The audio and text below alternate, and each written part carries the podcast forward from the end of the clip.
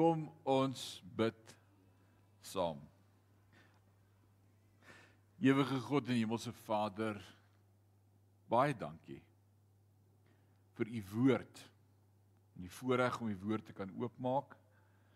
Voorreg om om u woord te kan sit en gesels, vanaand bemoedig te word, gestig te word, vanaand te hoor wat u vir ons sê vanaand ook deur die Heilige Gees in ons harte aangespreek te word. U woord is awesome. En dankie dat u woord nooit verander nie, maar steeds vas staan tot in ewigheid. U woord sê die woord maak dood, die letter maak dood, maar die Gees maak lewend. En ons getuig daarvan dat u Heilige Gees week vir week u woord lewend maak in ons binneste. Dankie daarvoor. Aan u vanaand al die lof en al die eer en al die aanbidding van ons harte. Dis my gebed in Jesus naam. Amen. Amen.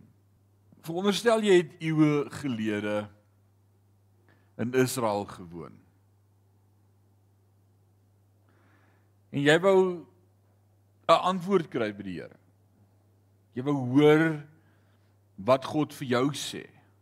En ja, God het met sy mense gepraat, maar deur die hoëpriester en was sy amp, dit was sy roeping, deel van wat hy gedoen het vir die volk is om elke dag beskikbaar te wees dat die volk by hom kan vergader. Net soos wat die gewoonte was toe Moses in die woestyn vir die volk 'n priester was en 'n leier en hulle elke dag voor hom vergader het en vrae gevra het en twisvrae gehad het en probleme gehad het met mekaar en huweliksprobleme en hy het hulle beraad, hy was hulle leier en hy het met hulle gesels. Die hoëpriester se funksie was om God se stem te wees vir God se volk. Om die hoëpriester se bors was twee borsplate vasgewees, elk met 6 stene 6 stene, 6 stene verteenwoordig in die 12 stamme van Israel wat naby die hart van God is. Die Urim en die Thummim. Twee borsplate. En dan kon jy gaan vra vra vir die hoëpriester, met wie moet ek trou? Martie of Maria? En dan sou hierdie borsplaat as te ware opgeflikker het en opgelewe het en die brand in die borsplaat sou vir jou gesê ja of nee links of regs, op of af, koop of verkoop, trou of hardloop. Hierdie borsplaat sou God se stem gewees het wat met jou praat. Soos jy nou hierdie reis al die pad aangepak het, dalk van uh uh een van die die see van Galilea af, al die pad Jerusalem toe of van Betanië af of van en, en jy het 'n dagreis of 2 dae gereis om hierdie vraag by die hoofpriester te gaan uitsorteer. En jy sou by die tempel aankom en vra kan ek asseblief met die hoofpriester praat? En hulle sou vir jou gesê het hy's ongelukkig vandag op diens in die allerheiligste. Hy's nie beskikbaar nie. Maar hoe weet ek hy's in die allerheiligste? Dan kon hulle vir jou gesê het luister mooi En as jy mooi sou luister en daar sit dalk vir ons daai volgende prentjie daarop. Wat sien julle daar? Die tipiese prentjie van hoe die kleed en die gewaad van die hoëpriester sou lyk in daardie tyd. En ons het toe ons die tabernakel behandel het uit Genesis 18 tot 25 daardie gedeelte vir jog 18 weke het ons gepraat oor die tabernakel en elke liewe meubelment stukkie, instrument, kleur, funksie wat dit beteken het, die simbole, die simboliek en hoe pragtig dit is ook volgens Hebreërs as hy sê dat die tabernakel 'n tipe of 'n prentjie is van dit wat ons eendag in die hemel gaan kry. Want dan leer ons iets, sien jy daar heel onder aan die kleed van die hoëpriester? Was daar klokkies geweest klokkies. Intussen daardie klokkies was daar granaatpitte. Nou granaat is 'n vrug eie aan Israel en in die woestyn. Wie van julle het granaatbome hier in Parys? Ek het 'n groot granaatboom voor in my tuin. En teen die tyd wat jy besef jy wil granate pluk, is almal vrot. Jy moet hulle amper pluk as hulle nog groen is. En as hy eers oopbars, dan's die mure en die goggas en alles ook daarin. En as jy in Israel toer, is dit een van die lekkerste drankies daar op straat, Louis S, jy onthou, dan het hulle op straat vir 5 dollar US dollar het jy 'n vars glasie uitgedrukte granaatsap gekry. En as jy in daai warm son is, daar van Mesada afkom, teen 45 grade, jy brand half dood, dan uh vra hulle 5 dollar vir 'n glasie granaatsap. En dan is jy so dors vir daai koue granaatsap tot jy vir hom vat. Hy is so suur soos gister die hele dag. Dit is verskriklik. Maar hulle maak hulle 5 dollar. Nou hierdie tipologie, hierdie prentjie van die klokkies en die granaatputte. Die harmonie wat daar is tussen die liggaam van Christus, die kerk en hoe die Heilige Gees in die kerk werk. Die goue klokkies in Bybelse tipologie is 'n beeld van die manifestasie van die gawes van die Heilige Gees. Die klokkies. Daar waar jy God kan hoor werk. Dis mos wat 'n klokkie doen. Hy hy kondig iets hoorbaars aan. En soos die klokkies wat lui die werk van die Heilige Gees en daar waar daar geprofeteer word, is dit 'n klokkie wat lui. Waar 'n sieke gesond gebid word, is dit 'n klokkie wat lui en en waar iemand die gawe ontvang van van wonderwerke is dit 'n klokkie wat lui wat eer aan God bring maar maar tussen daardie klokkies is hierdie granaatputte kunstig ingeweef sodat dit nie net hierdie klomp klokkies is wat aan mekaar sal klingel en raas want 'n paar klokke kan nogal raas wie van julle het wind chimes by julle huis ja daai klokkies dis aanvanklik bitter nice as die wind so lekker saggies waai en jy hoor klingelingeling daar buite. Maar naderhand as die wind baie waai, dan is dit soos dit raas in jou ore. Dis nou 'n geklingel. So die harmonie tussen die granaatput wat nie net 'n simbool is van God se voorsienigheid nie, maar as ek mooi kyk na wat Joël vir my skryf want jy sien Eksodus 39 vers 25 sien dat dat is in elke klokkie op die hoëpriester se kleed, die granaatput, die vrug was uniek verwant aan die beloofde land. Uh toe die spioene uit die beloofde land uit teruggekeer het, het hulle watse vrugte teruggebring? Druiwe en granate. Dit was die twee vrugte. Druiwe en granate aangedra as 'n teken van die land se produktiwiteit. In Hooglied van Salomo praat die granaat van vrede, sekerheid, skoonheid en romanse. In Joël 1 vers 12 praat Joël van die granaat in verband met vreugde. Dit bring vreugde. In die Nuwe Testamentiese ekwivalent vir die vrug van die Gees wat liefde is gedefinieer as vreugde, vrede, lankmoedigheid, sagmoedigheid, goedheid, geloof, selfbeheersing. Dis die granaatputte en nou kom baie interessant hoe Paulus hierdie hoofstukke in mekaar flaans. Hoofstuk 12 van die 1 Korintiërs 13, 1 Korintiërs 12 gawes, Heilige Gees. 1 Korintiërs 13 liefde. 1 Korintiërs 14 gawes, Heilige Gees. Klokkie, granaatput, klokkie. Dis die tipe van dit wat ons daar sien, die prentjie en, en sonder die granaat tussen die klokkie op die kleed van die hoofpriester sou daar niks anders gewees het as net 'n gekletter in jou ore nie. Ja, dit was die geval in die Korinte gemeente, alhoewel Paulus sê dat hulle elke gawe van die Gees besit wat denkbaar is. Hy het dit vir hulle gesê. Kort hulle die vrug van die Heilige Gees wat die balans bring tussen om net te lawaai te wees en om in harmonie te wees met die liggaam van Christus. Baie gemeentes fokus net op die liefde. Die agape. O, hier is ons lief vir mekaar. Almal druk almal Die broers soen mekaar. Nee, ek bedoel dit was in die Bybelse tyd. Kan nie dit vandag doen nie. Uh hier is ons net lief vir mekaar. Hier's die liefde.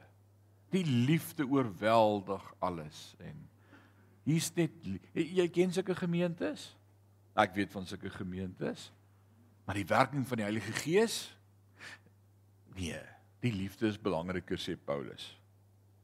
Nee, wat Paulus sê is daar moet balans wees tussen om 'n instrument te wees in die hand van die Here en om liefde te hê.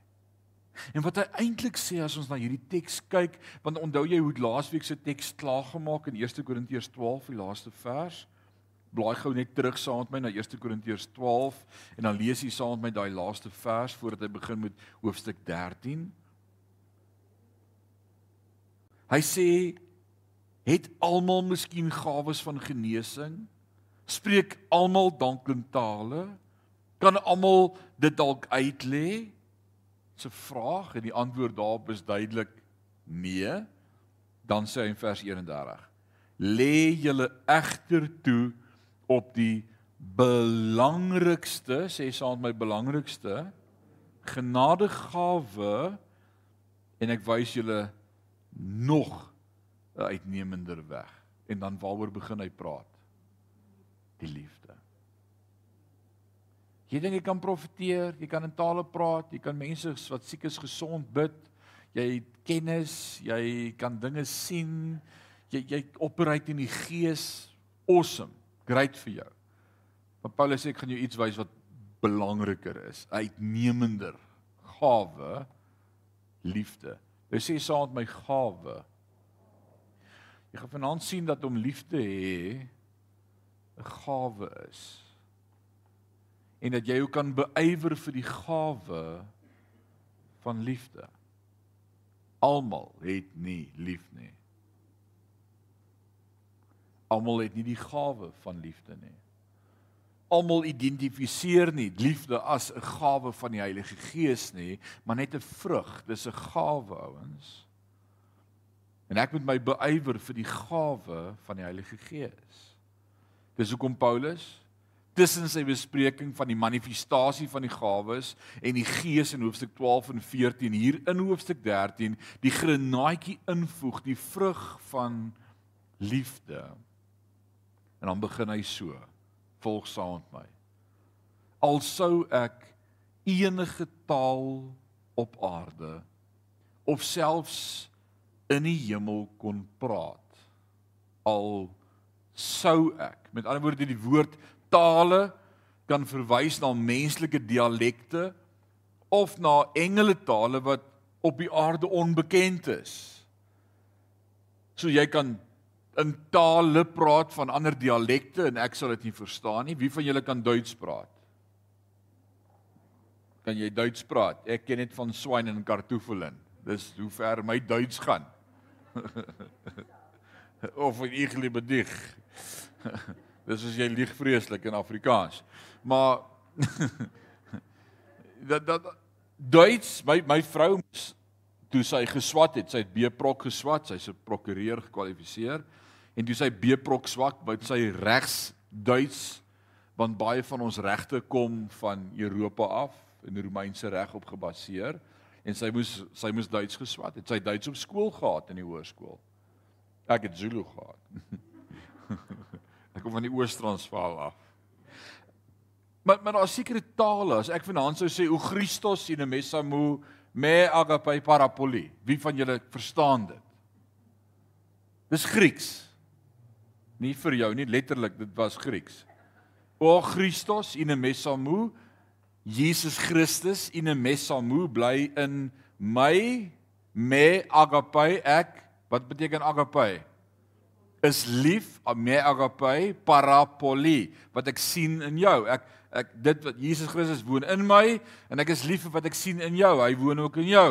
Dis dis 'n mooi iets om te onthou hoor O Christus in 'n mesamu me agape parapoli dis Grieks maar as jy dit nie verstaan nie gaan dit verby jou gaan Nou sê Paulus al verstaan jy ander tale of al praat jy ander tale en al praat jy hemelse tale, karasabanda. Al al al, al is jy gedoop in die Heilige Gees en jy praat hemelse dialekte wat op aarde nie verstaan word nie. Maar ek kom die liefde kort. Ek 'n galmende trom of 'n klinkende simbaal geword. Iemand het eendag gesê maak die broer stil want ek hoor net 'n gedonder in my ore. Ek hoor woorde. Maar daar's nie liefde nie.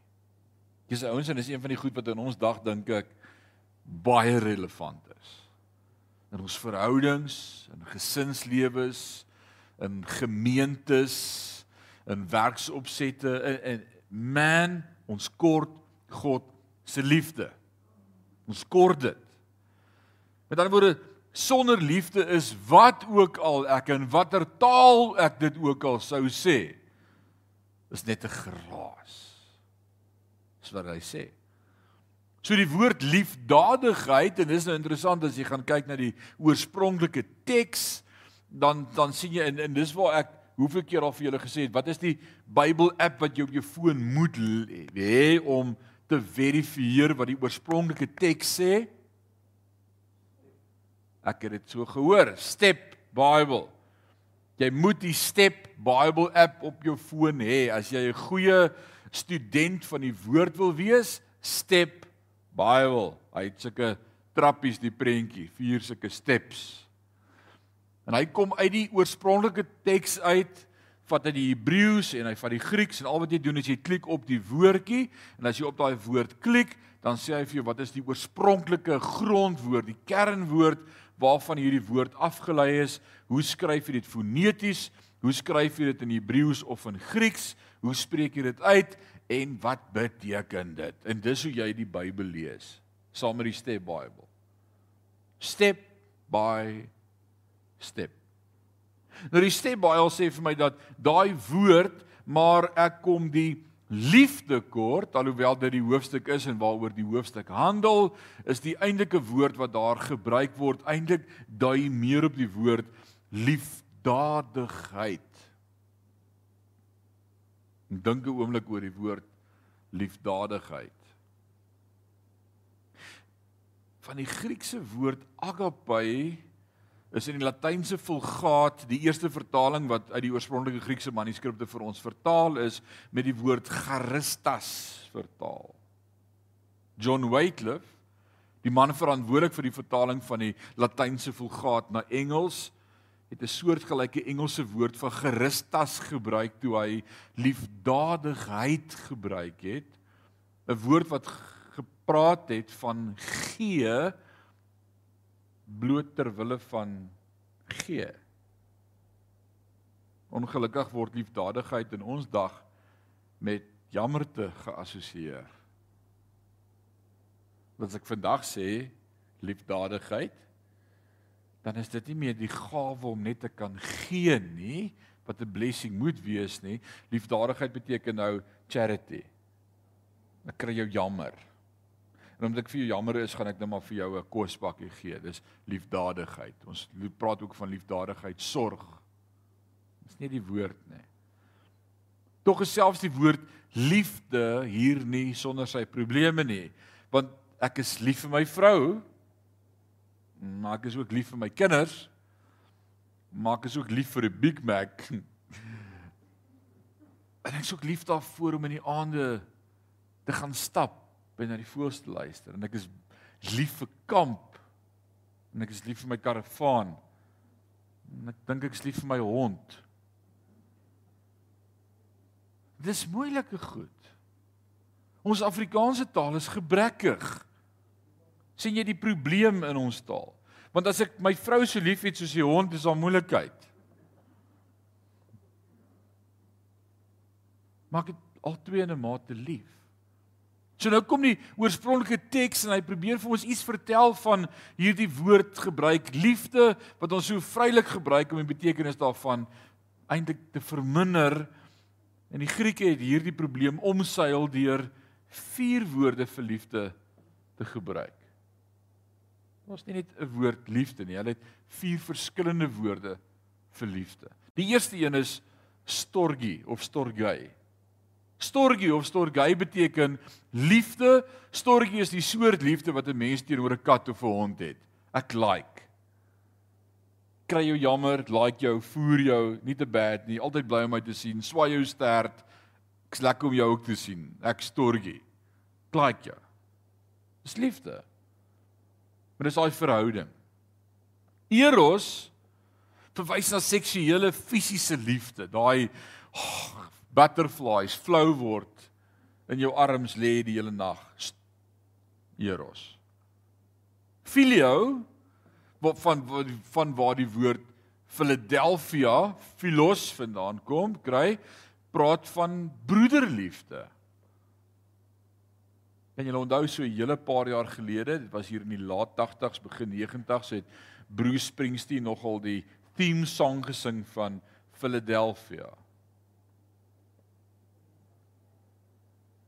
oor hierdie pilot van 'n maatskappy, 'n direkteur wat homoseksueel was wat siek geraak het aan vigs en hierdie pad van lyding sterf hy as 'n vigsleier Philadelphia broederliefde baie slings die naam gekies dis wat dit beteken Philadelphia broederliefde Filio sê as jy gaaf is met my gaan ek gaaf wees met jou Dis wat philo beteken. Iemand het eendag sê be nice to me and I'll be nice to you. Daar's 'n tweede deel en ek gaan dit nie herhaal nie. Dit was eers in die Nuwe Testament. Toe die Nuwe Testamentiese apostels die konsep van onvoorwaardelike liefde bekend gestel het, dat die Grieke die woord agape by hul woordeskat gevoeg het. Agape is onvoorwaardelike liefde. Agape is is liefde wat gee bloot ter wille van gee en nooit iets terugverwag nie. Liefdadigheid. Agape lief. Mense wat die Here nie ken nie kan al die ander soorte liefde ervaar maar sal nooit agape liefde ervaar nie want net God kan dit gee. Dis goddelike liefde. Dis die liefde van die kruis. Dis die liefde van Golgotha. Dis die liefde wat Jesus vir my demonstreer het. Agape is die liefde waarvan Paulus praat wanneer hy sê as ek nie liefde het nie, maak ek net geraas al praat ek al die tale vlot. As ek iets terugverwag, is dit 'n geklingel. Ouens, as ons vanaand met hierdie teks werk, vra die hele tyd vir die Heilige Gees, Here, help my om myself in die teks te sien en dat ek myself kan beoordeel. Ek beoordeel myself eerder as wat ek veroordeel staan voor God. Dis waarvoor die woord is dat ons onsself kan beoordeel. So vra jouself, is my liefde 'n liefde wat nik terug verwag nie of soek hy iets terug Dit is lekker om nice te wees met mense wat met jou kan terug nice wees Is dit nie so nie Maar dan sit nie agape nie In die jaar 1647 tydens die Engelse se burgeroorlog is 'n droster in Cromwell se leer gevange geneem en voor Cromwell gebring. Die generaal. Die generaal het gesê wanneer die aandklok vanaand lui word jy tereggestel. En daardie aand is die aandklok nie gehoor nie En daar word naderhand ondersoek ingestel hoekom het die aandklok nie vanaand gelei nie. By ondersoek is ontdek dat hierdie gevonniste se verloofde met die nuus van haar verloofde se vonnis vinnig na die kamp gegaan het en in die toringklok opgeklim het en gaan wegkruip het by die klok. Toe die aandklok reël se tyd nader kom, het sy haarself posisioneer naby die klok ingeklim om te keer dat die dong nie die klok sou slaan nie. En wanneer die tou getrek word, is haar lyf eerder as die binnekant van die klok getref. Toe Cromwell die gekneusde en mishandelde dame voor hom sien staan, was Cromwell so diep geraak deur haar liefde dat hy die soldaat se lewe gespaar het. Jesus Christus het nie 'n kloktoring geklim nie. Maar Golgotha. Die kruis gedra. Sodat die the wrath of God that was destined for me he took upon his shoulders sodat ek nie die straf hoef te dra nie. Dis agape liefde. Of die woord nou naaste liefde liefde of agape liefde is die liefde wat Jesus aan ons bewys het die liefde wat ons aan mekaar moet betoon Nou dis nou waar dit prakties raak vanaand want hierdie voorbeeld van hierdie hoofstuk is vir my en vir jou geskryf wat sê Ooh, die Heilige Gees werk ons. Ooh, ons kan in tale praat. Ooh, ek kan genees, ek kan dit, ek kan profeteer. Dan sê Paulus, "Great, maar ek hoop jy het hierdie liefde." Anders beteken hierdie goed in jou lewe niks nie. En die lewe wat ek en jy, die liefde wat ek en jy moet hê en moet betoon aan mekaar, word net op een manier gespel. Hoe doen jy spel ons daai liefde? Ek het die hele week gedink, hoe sal ons daai liefde spel? En ek kry net een spelling van daai woord liefde. En dit sê sacrifice. Om myself op te offer. Om te gee al maak dit. Sien? Ons praat van Bybelprofesie. Wat sou die gawe van profesie hê? Sou ek alle geheime kon ontrafel? en al die kennis ter wêreld hê. En ons sou ook genoeg geloof hê om berge te verskuif. Maar kom liefde kort. Sou ek 'n ronde nul wees. Jesus het gesê dat as jy geloof so groot het soos 'n mosterdsaad, wat het gesê? Matteus 17 vers 20. As jy geloof het soos 'n mosterdsaad, sal jy vir hierdie berg sê, tel jou op en werp jou in die see. Nou, so groot soos 'n mosterdsaad. Maar Paulus sê, al het jy die meeste geloof van alle geloof, groter as 'n mosterdsaad om om hierdie berg te kan verskuif. Die volste moontlike uitdrukking van geloof is om 'n berg te kan skuif. As jy vir my sê jy het geloof, wys my hoe skuif jy 'n berg? Dan sê ek, "Mm, jy het geloof." Het jy al 'n berg geskuif? Wie van julle het al 'n berg geskuif? Jy dis die goed waarna ons vaskyk. Wow, daai kan berge verskuif. Nou, hy sê al kan jy berge verskuif. Maar jy het nie liefde nie. Beteken dit niks. Liefde. En ons beywer ons vir die geloof en ons beywer ons om berge te skuif en, en ons beywer ons om siekes gesond te maak en ons beywer ons om deeldag in tale te praat en ons beywer ons Paulus sê dis niks as daar nie liefde is nie. Maar was 'n tyd in my lewe wat dit ek was met my beywer om geestelik te wees. Was my passie. Ek was jonk, ek was 21, dan vas ek 21 dae net op water. 21 dae. Dis die langste wat ek gevas het. En ek praat in tale. Ek praat in tale. Paulus sê ek praat die meeste in tale van julle almal. Ek het dit nagejaag om in tale te praat. Praat in tale, praat in tale. As niks het om vir niemand te sê nie, praat ek in tale. As ek ry en klim in die kar, praat ek in tale. Ek onthou ek saam met twee pelle van my, twee jonger seuns, twee dit was my eerste twee disippels wat bediening toe is. Justin en Gerry Ferreira. Twee jong manne soos wat ek vandag klomp jong manne daar agter het. Dit was my eerste twee jong manne, ek was 21. En ek en Gerry en Justin is die aand na Rema konferensie toe, Rema CRC, groot konferensie by Rema. Man, it was amazing geweest. Full Bristol was daar en was net amazing. En ons ry daar aan terug en ek slaap by Gerry en Justin sommer in Gerry se huis. Sy ma's enkel ouer.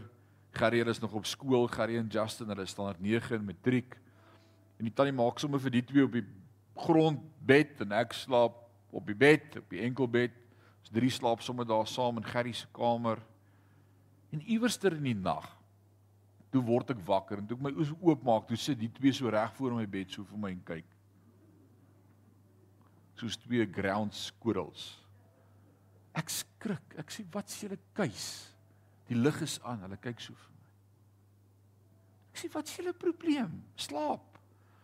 Hulle sê ons probeer maar ons kan nie. Ek sê wat s'ie probleem? Hulle sê jy praat die hele tyd in tale in jou slaap. Ek sê ag man, dis nonsens. Hulle sê ons kan nie slaap nie. Jy slaap en praat in tale. Dit was so deel van jy's ingeoefen en ek breek nie daardeur nie. Ek repent vanaand om te sê so geestelik as wat ek probeer wees het, so het ek gekort God se liefde in my lewe. Maar ek het nie liefde gehad vir mense nie. Ek was geestelik. En nou kom Paulus en hy sê jy kan hoe geestelik wees as jy nie liefde het nie. Cheronenal. Paulus sê vir die Galasiërs sê dat geloof deur liefde werk. Galasiërs 5 vers 6. En God kan net ware geloof toevertrou aan die een wat kan lief hê. Hoor mooi, God kan net ware geloof toevertrou aan die een wat liefhet, want die krag van geloof sal gevaarlik wees in die hande van iemand wat nie liefhet nie. Jy al aangedink? Ons soek die krag, ons soek die gawes, ons soek die werking van die Gees, ons soek die dinge, ek wil dinge openbaar en profeteer. Maar as ek nie die ou verweek profeteer liewer het as myself nie, wat hoe gaan ek daai profesie oordra? So liefde.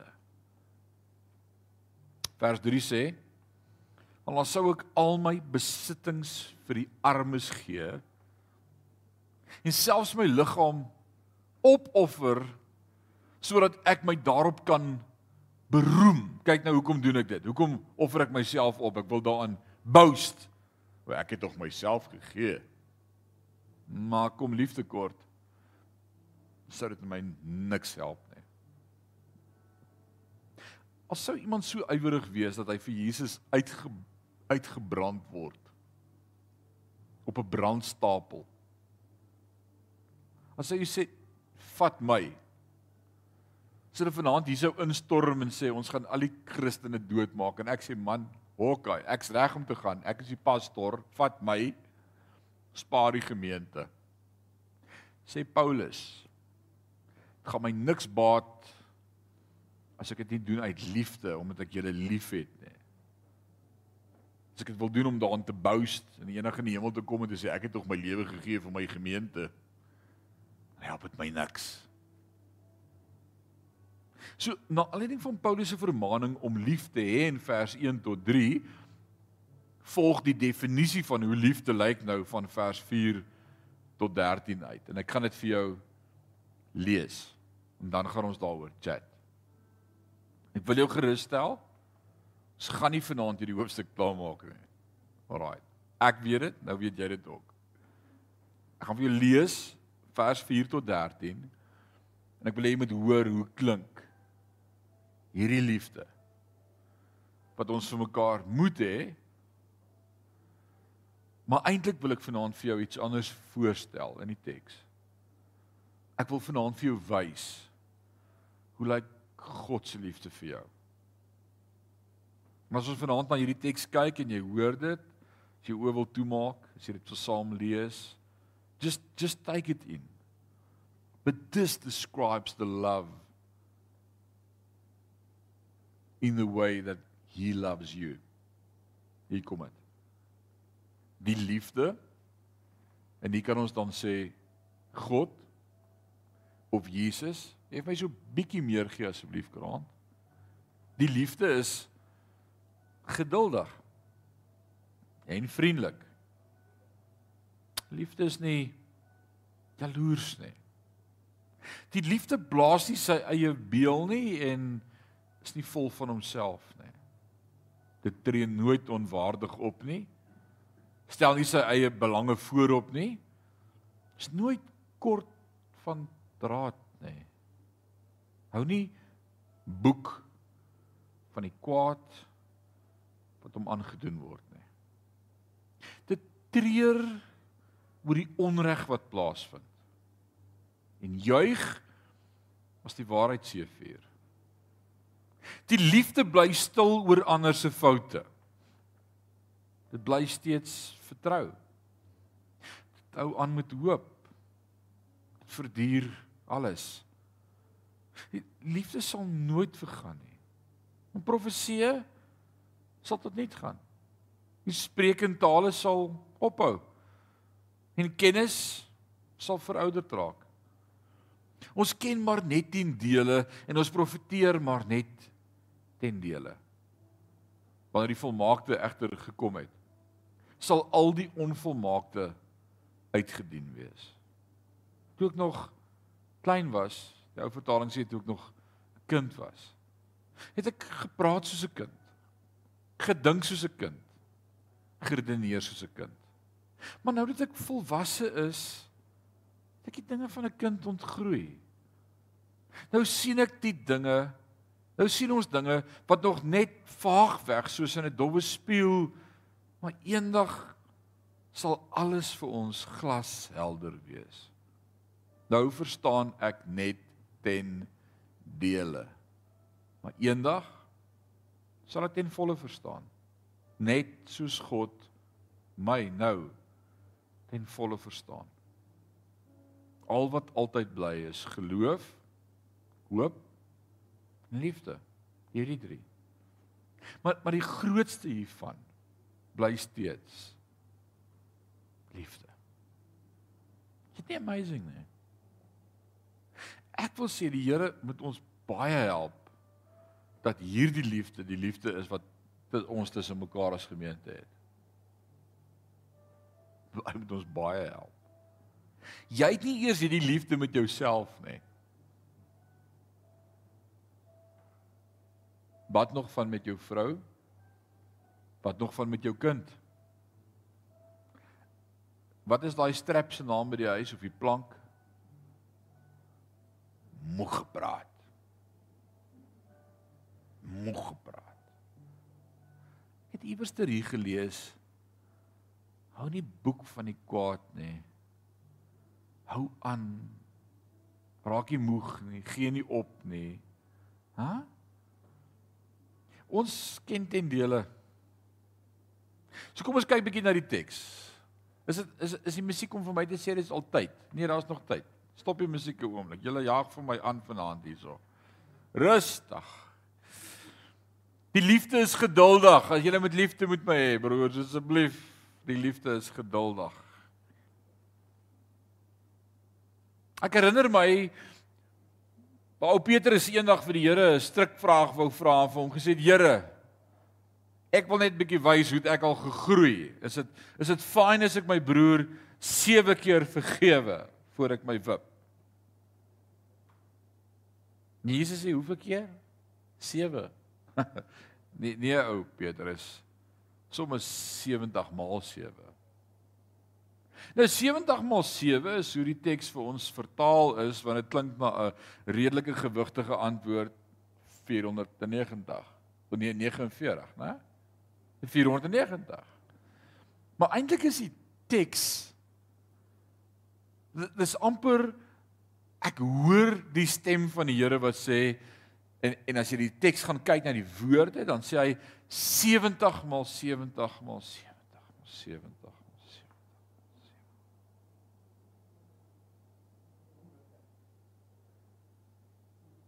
Daar's nie einde om vergifnis nie. Wanneer is my vergifnis vir jou klaar, vra God.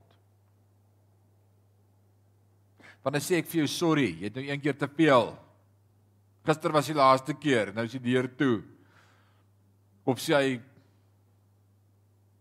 Einde van Romeine 5 kom Paulus en dan skryf hy en Paulus het dit verstaan as hy sê hoe meer sonde hoe meer het God genade. Hoe meer sonde hoe meer is daar genade. Ek en jy sê vir ons kinders tot hier toe. Dis nou verby. Nou het jy my net te ver gevat. Paulus sê daar's nie so liefde nie. Daar's nie so liefde nie. God se liefde is ek bly vergewe. En dis hoekom die huwelik as prentjie van verteenwoordiging van God die Vader, Seun en Heilige Gees op aarde so onder die aanslag is van die vyand. Want as ons God se prentjie is op aarde van hoe God die Vader lyk en hy het ons hier gesit en gesê heers en hoe lyk hierdie prentjie want uh, Efesiërs 5 leer vir my soos wat Christus die hoof is van die kerk, so is die man die hoof van die vrou. Soos wat die vrou onderdanig is aan die man, so is die liggaam, die gemeente onderwerp aan Christus. So as ons sê hierdie prentjie is die beeld van Christus, En ons sê die liefde is geduldig.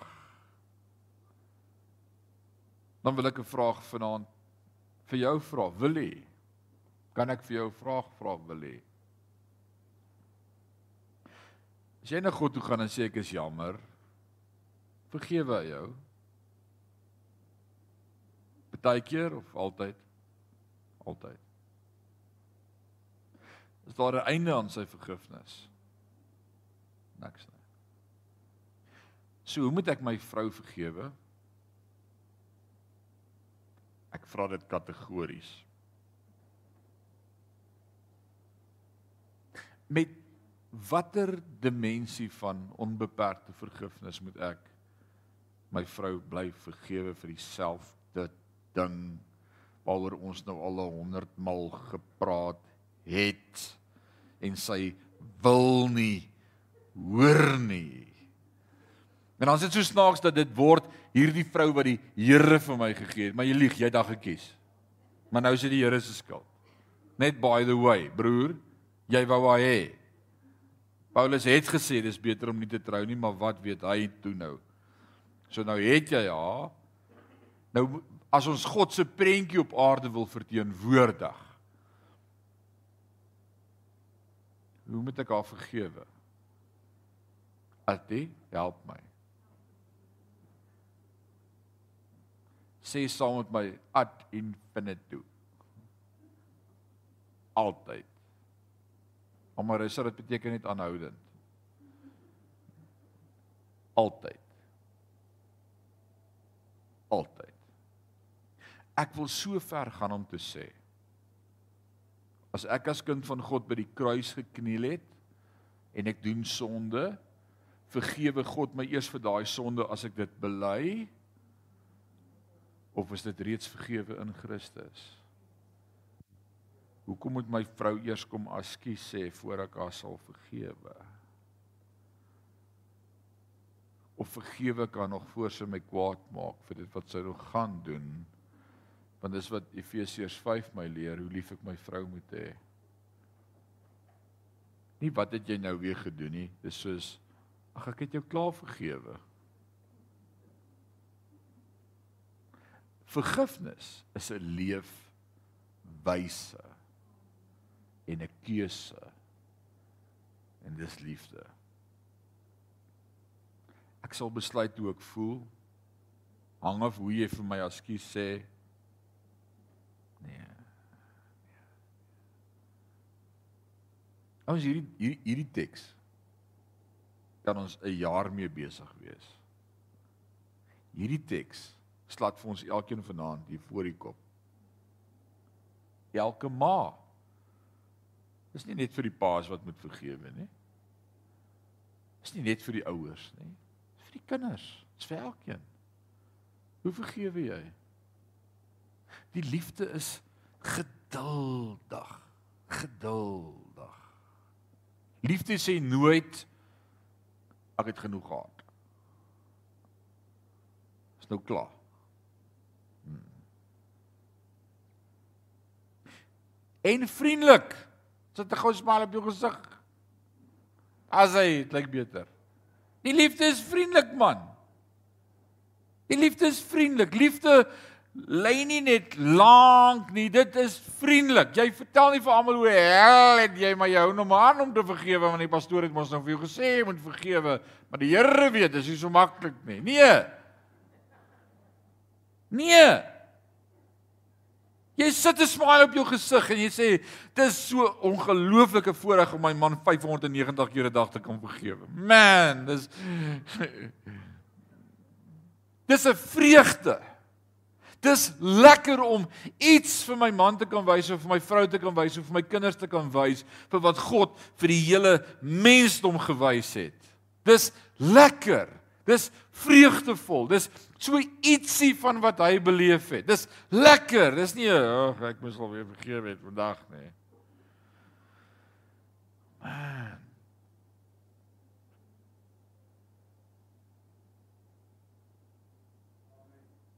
Dankie vir daai amen. Ek het gewag vir 'n amen. Ek glo ons sal goed doen om goed bedoelde aktivisme deur die lens van agape te ondersoek.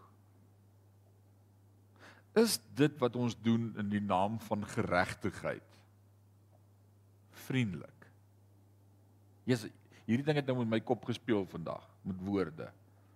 Want ho hoekom sê hy en vriendelik? Die die liefde is geduldig en vriendelik. Ons doen baie dinge in die in die in die in die verskoning van liefde. Is wat ek doen in die naam van geregtigheid vriendelik. Lief liefde is lankmoedig, maar terwyl dit lei en uitgerek word word dit nie sinies of bitter nie. En in baie verhoudings word dit bitter. Mara. Gou maar uit tot die dood ons sal skei. Mara. As lankal nie meer vriendelikheid nie. Lankal nie meer nie. Liefde is lankmoedig, maar dit terwyl dit lê, word dit nie bitter en sinies nie. Dit bly vriendelik. Dis nie maar in my bed opgemaak, nou moet ek maar vir hom slaap nie. Dis soos nee man. Wie gaan nou by so ou wil bly? Hæ? As wag was nie skei nie. Praat nou eendag weer vir 'n oom, ek sê, "Jong, jy's 50 jaar getroud. Hoe mooi gedink kan skei sê nee, skei nooit moord baie. Dis soos nee. Nee. Nee. Dis nee. Om konstant vergifnis te leef om vriendelik. Jy's ouens jy weet of jy vriendelik is in jou verhouding by die huis. Jy jy weet hoe jy lyk like as jy op jou beste is. Grumpy. 'n beer met 'n seer tand. Almal moet weet gee hom sy spys. Gee haar spys. Jou aansig totdat iemand vra hoekom sug jy en dan sê soos los my net uit. Dis rarig.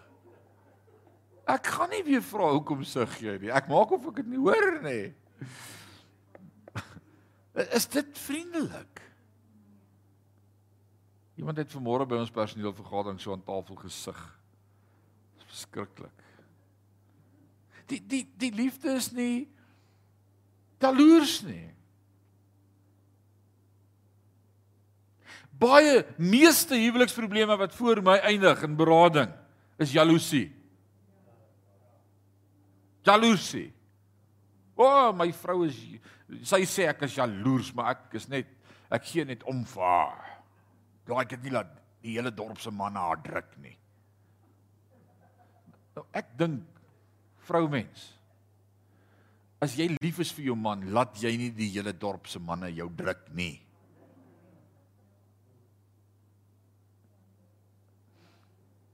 Let me stick to the text tonight.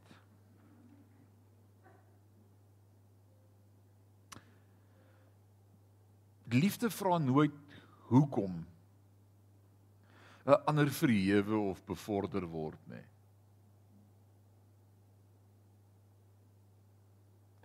Liefde blaas nie sy eie beel nie en is nie vol van homself nie. Jy moet nou net nêrens in hierdie goed vanaand aan die ou stamp en sê luister nie. Dit elke ou moet vir homself luister vanaand. Liefde probeer nie homself bewys nie. Hoor mooi. Liefde probeer nie homself regverdig nie. Dit sê nie, "Ooh, kyk hoe liefdevol is ek nie."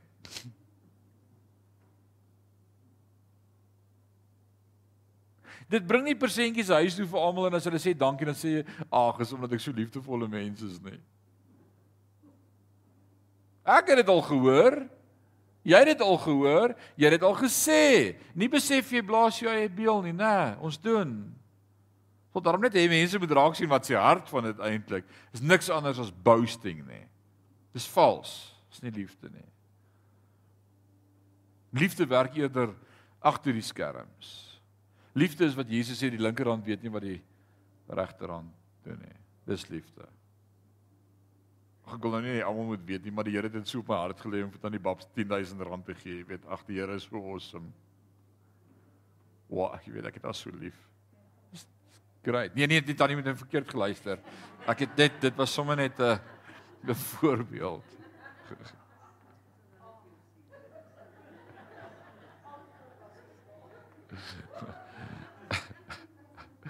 Ek sal dit nou moet uitlei in Afrikaans, anders gaan dan die Babs kwaad bly vir my. Ek sê ek kan nie spog deur vir almal te vertel die Here het vir my gesê ek moet vir jou 10000 rand gee omdat ek so lief is vir jou. Nie want dis boast dis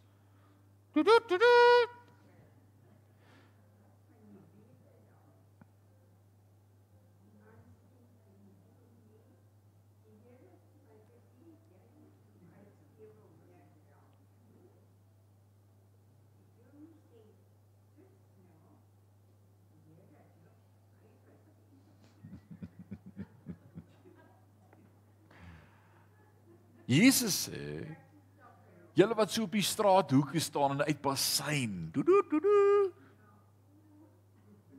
Dit het laasweek daaroor gespot oor die 10de koevertjies. Mm -mm. Dit tree nie onwaardig op nie. Ware liefde daar's nie onwaardigheid nie.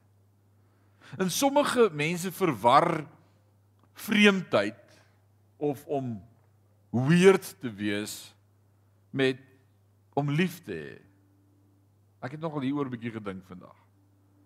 Sommige mense sê ek gaan my liefde vir Jesus demonstreer deur 'n mikrofoon te vat en op 'n straathoek te gaan staan op 'n kas met toebroodjies en vir almal te vertel die Here is lief vir hulle. Ek gaan my liefde vir hulle wys.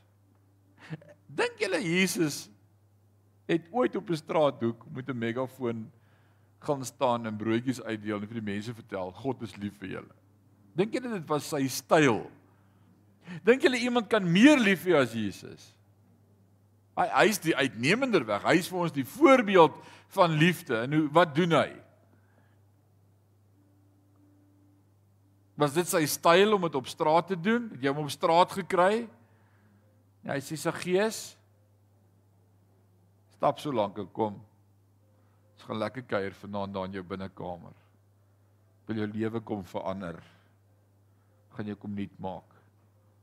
Manne, ek honger. Gaan julle na die stad toe, Samaria, gaan kry vir ons iets om te eet. En as almal weg is, dan gaan sit by die een vrou by die put. Sê ek wil 'n bietjie met jou chat. Ek wil 'n verskil in jou lewe maak. Ek soek water om te drink. Sy sê, "Eg, hoe jy gekom om te drink? Jy het nie eers 'n skep ding nie. Nou wil jy vir my water vra." En sê hy, as jy mag geweet het wie ek is, het jy eintlik vir my gevra vir water. En die water wat ek gee Hey, as jy eers daarvan gedrink het, sal jy nooit weer dors kry nie. Strome van lewende water gaan uit jou binneste vloei. En dit hy was anders. Dis hoe liefde werk. Vrou, ek veroordeel jou nie. Waar is al hierdie klomp wat wou klippe gooi nou, jong? Almal het gewaai. Ek veroordeel jou ook nie. Maar maar nie aanhou met jou sonde nie. Stop dit toe. Gaan dien God. Wees anders. Dis liefde. Dis nie weird nie. Ons verwar dit baie keer om weird te wees. Stel nie sy eie belange voorop nie. Moet ek iets daaroor sê? Eis nie dinge op sy manier nie. Dat ons nou net mekaar mooi verstaan in hierdie huis, is dit soos dit werk. Sy liefde nie. Ja, dan moet sekerlik reëls in huise wees. Maar as 'n man en 'n vrou met mekaar in 'n verhouding so moet werk, is nie liefde nie. Soos soos die oom en die tannie wat getroud is. En op pad huis toe die dag op die perdekarretjie toe maak die perd so snaakse move en hy skud so en stop bietjie en wil nie luister nie, halstarrig en die oom sê vir die perd dis jou eerste keer.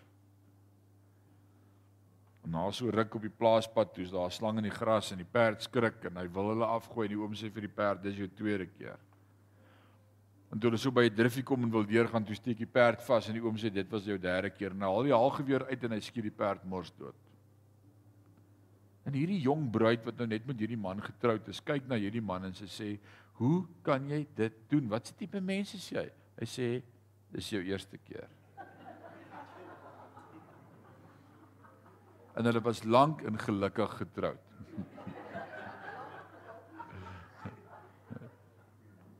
Dis om te sê in hierdie huis doen ons dit so. Is jou eerste keer. Is dit liefde, ouens? Sê onder my dak wil bly, volg jy my reëls, dis hoe ek al van hou. Ek wil vir jou sê dis nie liefde nie. Sorry. Dis nie liefde nie.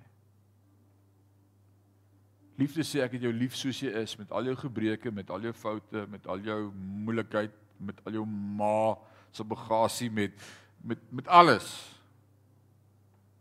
Met al dieselfde goed elke dag bly ek jou vergewe, het ek jou ongelooflik lief, het ek jou lief vir wie jy is en nie vir wat ek daar uit kry nie. Ek kies om jou lief te hê want God het gekies om my lief te hê. Dis die liefde waarmee ons mekaar liefhet. Is die Here het my gegryp oor hierdie goed in my eie huwelik. Hierdie genade van die Here is ons 25 jaar getroud en gaan ons al vir 34 jaar uit. Ek was die tipe ou wat gesê het so. As jy nie so nie, is daar moeilikheid. So. En ek spot en ek bely en ek repent en ek kan dit vanaand tong en netjies vertel want dis regtig wie ek was en jy kan vir my dink net wat jy wil. Ek het nie 'n verhouding met jou nie. Ek gaan hemel toe want Jesus het vir my gesterf en sy genade is vir my genoeg. Ek sê dit vir jou om vir jou te sê jy is skyn heilig om nie te praat oor jou issues nie. Maar ek was so erg dat ek en my vrou verloof is, ry ons van hier af Rodepoort toe. Ek het op die myn gewerk op Durban Rodepoort Diep. Ek was assistant planning officer op die myn en uh ons ry deur Lenasha hier by die perde perskebome verby die Randfontein paar aan draai regs, so gaan daar by die NASA verby, kom jy onder in die Wesrand, daar waar netjie van die Wes, as 'n tent gestaan het, draai daar op Main Reef Road, Durban Road Poort diep. En toe ons daar in NASA kom, toe het ek nou al 'n paar keer vir haar gesê ek like dit nie. As jy aan my Toyota Conquest 1600 Sport rooi met 'n vlerkie op, met 'n beasting op die dak, met Max se radio knoppies fiddle nie. Ek like dit nie. Dis my radio. Dis my stasie vir die nasie. En ek is so bietjie ADHD en disleksies en ek like dit nie as my nommertjie op 'n 23 of 'n 25 stop nie. Dit moet gelyke getalle wees. En toe so hulle na sy afslek om oor die treinspoor te gaan, toe waag sy die radio sagter sit want dit is so bietjie hard geweest en hy stop op 'n ongelyke getal. Net toe wen sy die lotto. Ek het gestop, baie beleef, oor haar geleen, die deur oopgemaak en gesê, "Klim uit." Dis wie ek was. I'm not proud of it. I'm not proud of it. Baie keer al vir askies gesê. En jy jo jo so, jy het jou eie nonsens. So hou op jo vir my. Ons het almal so streek in ons. I'll do it my way. Tot die Here jou kry en vir jou sê, "Waar is jou liefde?" As dit jou liefde lyk, smaak almal so. Maar ons net God kan ons verander. Die volgende een gaan sommer baie mooi aan daarby. Is nie kort van draad nie. Ek weet ek dalk moet ek net 'n uitnodiging gee nou en vir almal bid en huis toe gaan. Want hier's iets waarmee sekerlik nie een van ons nie sukkel nie. Kan ek nie hande sien? En onthou jy's in die kerk. Onthou wat gebeur het met Ananias en Safira in die kerk toe hulle lieg. Die weerlig. Ek gaan jou nie uitdra nie. Maar wie van julle sukkel met my met kort van draad? Hou wil jy? Jy besluit ek gaan nie weer kwaad word nie. Ek gaan nooit weer iets sê nie. Next time bly ek net stil. Ha ha.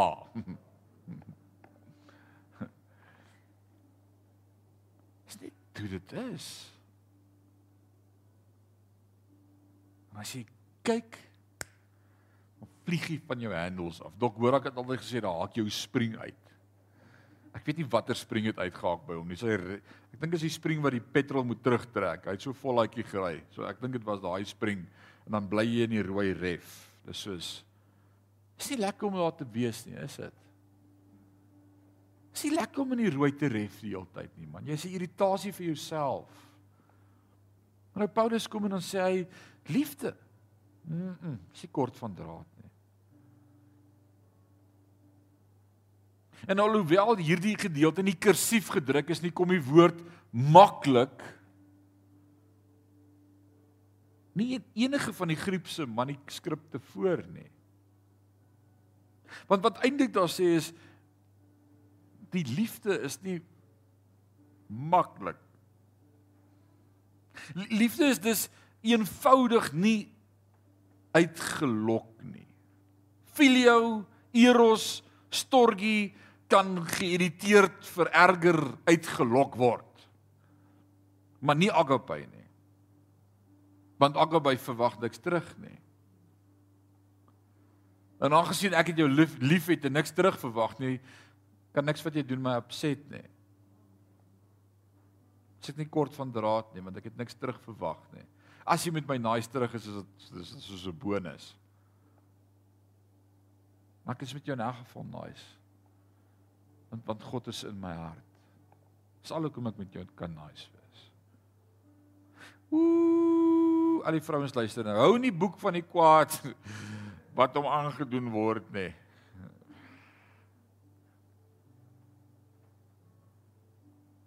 Hou nie boek van die kwaad nie. O, die Here moet ons help hiermee, hè? Hou nie boek van die kwaad nie. Sukkel jy daarmee? Om te kan vergeet? Ek onthou 7 jaar, 5 maande, 3 dae en 5 ure terug, nê. Nee, man. Nee. Nuwe vertalings maak dit nie verdag nie. Ware liefde vertrou. En wanneer ek dink ek kan hom nie vertrou nie, dat ek my oog op hom moet hou of oor haar moet hou, is dit omdat ek nie meer glo dat God op die troon is nie en dat hy in staat is om die situasie te hanteer nie. Want alle dinge is naak en oop voor hom. Hebreërs 4 vers 13. Daar benewens tugtig en korrigeer korrigeer God diegene wat hy liefhet. En daarop dink agape liefde nie kwaad van mense nie, want dit het absolute vertroue in die getrouheid van God. Jy's oppas vir daai ou. Dis in God se hande. Wat moet gebeur gaan gebeur. Het ek nou al genoeg gesê vir een aand? Wil jy net met klaar maak? Jy's die liefde. Die liefde is nie haastig nie, so ek sou bly julle het so baie liefde vanaand. Vers 6 maak ons met klaar. Dit treur oor onreg wat plaasvind. Nou hier kom Paulus in Romeine 12 as hy van vers 5 tot 21 in daardie hoofstuk praat oor hoe liefde lyk in die gemeente opset eh, dan dan sê Paulus 'n interessante ding en is presies dieselfde wat hy hier sê dit treur oor die onreg wat plaasvind. Hoe lyk dit? Hoe lyk agape liefde wat treur saam met die onreg wat plaasvind? En die Here het hierdie ding in my lewe vir my kom. Ek wil amper sê dis is 'n curse. Nee, kom ons dit, dit klink terrible om in die kerk dit te sê. This is a burden. Ek was altyd min gespin oor hoe mense voel en hulle emosies en dit waartoe hulle gaan in hulle lewe. Ek het my honeursgraad verwerf in pastorale berading. Ek's 'n berader. Ek's geregistreer by die National Councillors Council for Councillors in Suid-Afrika as 'n professional counsellor. Ek het 'n CC nommer. Ek kan mediese fondstariewe eis was 'n plaak teen my muur waarna ek geroem het. 'n graad. Maar die Here weet ek het nooit die hart gehad vir berading nie. Ek was liefdeloos. En 13 jaar terug toe ek op 'n siekbed beland met ligamente in my been wat geskeur is, 'n hart wat nie al die water van my bene afgepomp kry nie, net my bene so staan van waterretensie, pyne in my borskas wat ek nie kon begryp of verstaan nie en ek in 'n depressie verval het. Wat ek gedink het die handboek sê vir my wat depressie is en ek het vir mense gesê bottom line bou 'n brug en kom hier oor. Maak net 'n besluit. Dis wat die handboek sê. En toe beland ek daar. En ek onthou die oggend toe Aline in die kamer kom en ek nie wou opstaan nie en die gordyne toegetrek is en ek nie die lig wil sien nie want ek kan nie die sonlig handle nie. Ek soek donkerte. En sy vra vir my, "Wat wil jy eet vandag?" En ek begin huil en vir haar sê, "Hoekom moet jy my so baie keuses in die lewe gee? Kan jy niks self net kies nie?" En ek besef ek het nie eers die vermoë om te kies wat ek wil eet nie. Dis depressie en ek hoor my kinders beklei met mekaar daar buite. En ek dink as sy hulle nie gaan stil maak nie, gaan ek hulle albei nou doodmaak. Want ek kan dit nie meer handle dat hulle so beklei nie. En toe ek dit besef, toe besef ek ek het die Here nodig. Ek het die Here ernstig nodig. En toe gebeur daar dinge in my lewe. Die Here lei my deur 'n pad van herstel en ek ontdek die woord en ek kom uiteindelik tot bekering in die bediening en ek begin vers vir vers woordskool preek en die Here daar was 'n groot ding wat in my lewe gebeur het. En toe kom ek agter skielik as ek met Willie praat, Willie en jy vertel vir my van jou krisis waartoe jy gaan, dan sob ek. Die trane loop oor my wange. vir Willie. En die Here weet ek was nie so mens nie. En ek sê Here, wat is dit? En die Here sê dit is om te treur saam met die wat treur. Dis 'n gawe. Almal het dit nie. Ag jy kan sê ag sies tog dis verskriklik. Dis terrible. Ek dink aan jou, maar dit raak jou nie. Liefde. Agape liefde. Sê ek voel saam met jou. Dis die Griekse woordjie in Matteus 14 vers 14 nadat Jesus in hoofstuk 14 vers 1 tot 13 gehoor het van Johannes die Doper wat onthoof is sy neef wat dood is wat sterf. Hy wil oorvaar na een kant om alleen te wees en toe hy daar kom en omdraai toe staan hierdie menigte wat hom gevolg het en hy sien die siekes en die ellendiges onder hulle en die woord sê and when he saw the multitude, he had compassion on them. Daai woordjie compassion is die Afrikaanse woord empathie, wat die Griekse woordjie is splagniets est ai wat sê letterlik gedefinieer deur die Fire translation, his intestine turned within him for compassion on them. As jou darmes nog nie in jou maag gedraai het as jy iemand anders se storie hoor nie, het jy nog nie empatie nie.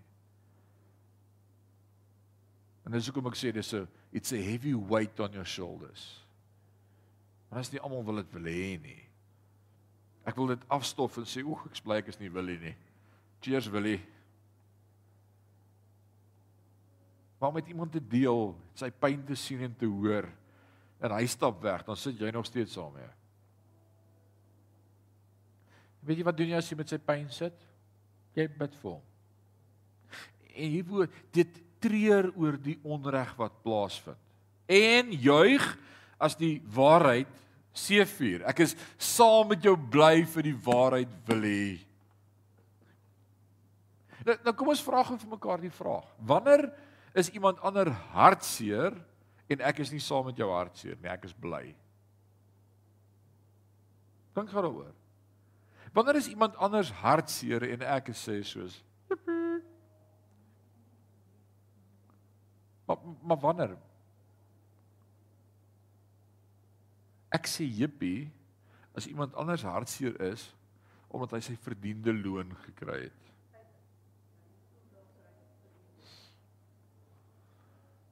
Yes, die blinde sambok kry vir jou. Is dit nie so nie?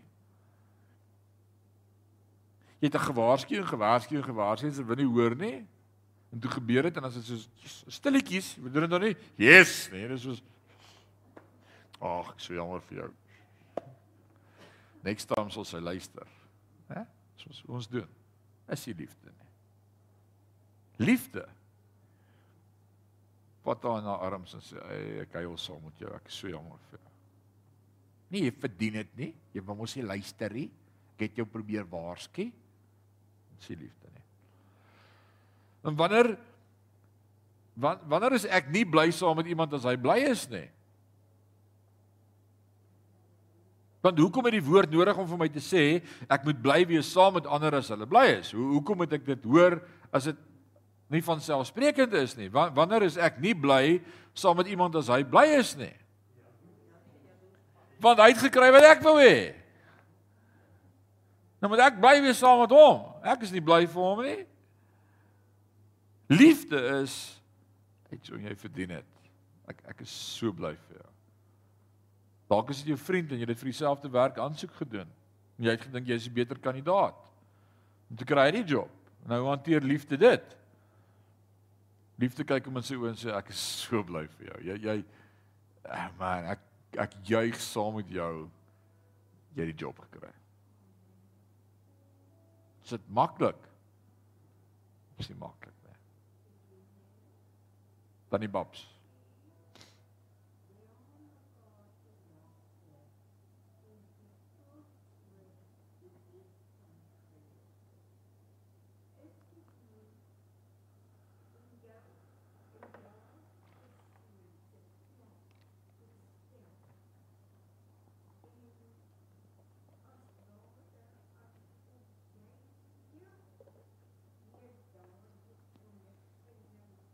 Absoluut. Absoluut.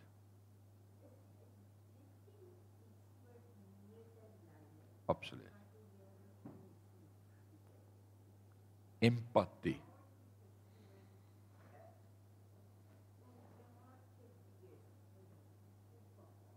Splagt niets est ai. Absoluut. Absoluut. Absoluut. Is dit nie wie hy vir my is nie? Of sê hy asseblief net nie weer vandag nie. Ek ek sien nie kans. Net nie vandag vir jou so nie. Ruk jou reg. Nee. Elke dag sê maar net kom. Kom na my toe almal wat moeg en oorlaai is. Ek gee rus. Al was julle sonde soos skarlaken, ek maak dit wit soos wol. My las is lig en my juk is saag kom, bring dit vir my, gee dit vir my. Dis agape liefde. Ons het daar by vers 6 gekom. So begin.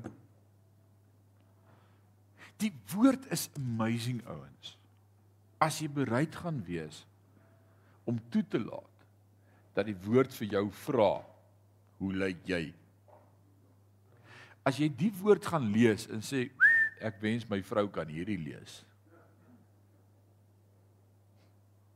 Ek wens iemand kan net vir my man sê hy moet bietjie na hierdie teks kyk. Dit dan sit dit om regryk. Maar beteken die woord vir jou niks. Die woord lees jy en sê Heilige Gees hoe lyk ek? En as jy so na die woord kyk, dan werk die woord met jou. Weet jy wat kan ek getuig vanaand? Die woord verander jou. It's amazing. It's amazing. Willie.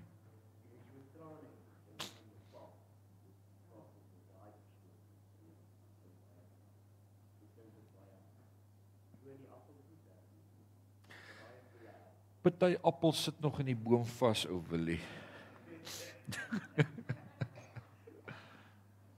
ja. Kom ons bid saam.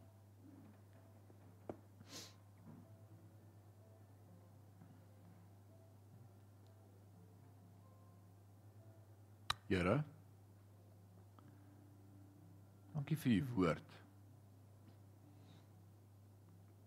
Dankie dat u bemoeienis maak met ons. En dat u nie net van weer die tyd hoop opgee en sê gaan net aan nie maar dat hy elke keer elke keer ons nooi om te verander. Dat vanaand weer so 'n nooi, 'n uitnooi, 'n oop uitnodiging is vir elkeen wat sê as jy my woord hoor, maar nie hard vaart nie. Maar nooi my in. En ek wil inkom en met jou 'n feesmaal hou. Woord sê in Openbaring 3 vers 20 ek staan by die deur en ek klop.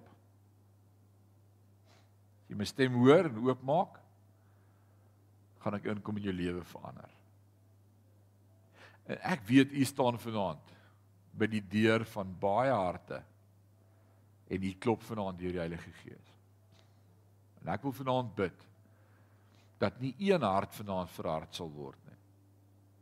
Maar dat ons na vanaand die getuienis gaan hoor van hoe awesome werk die Here in mense se lewens en se huwelike en verhoudings begin het.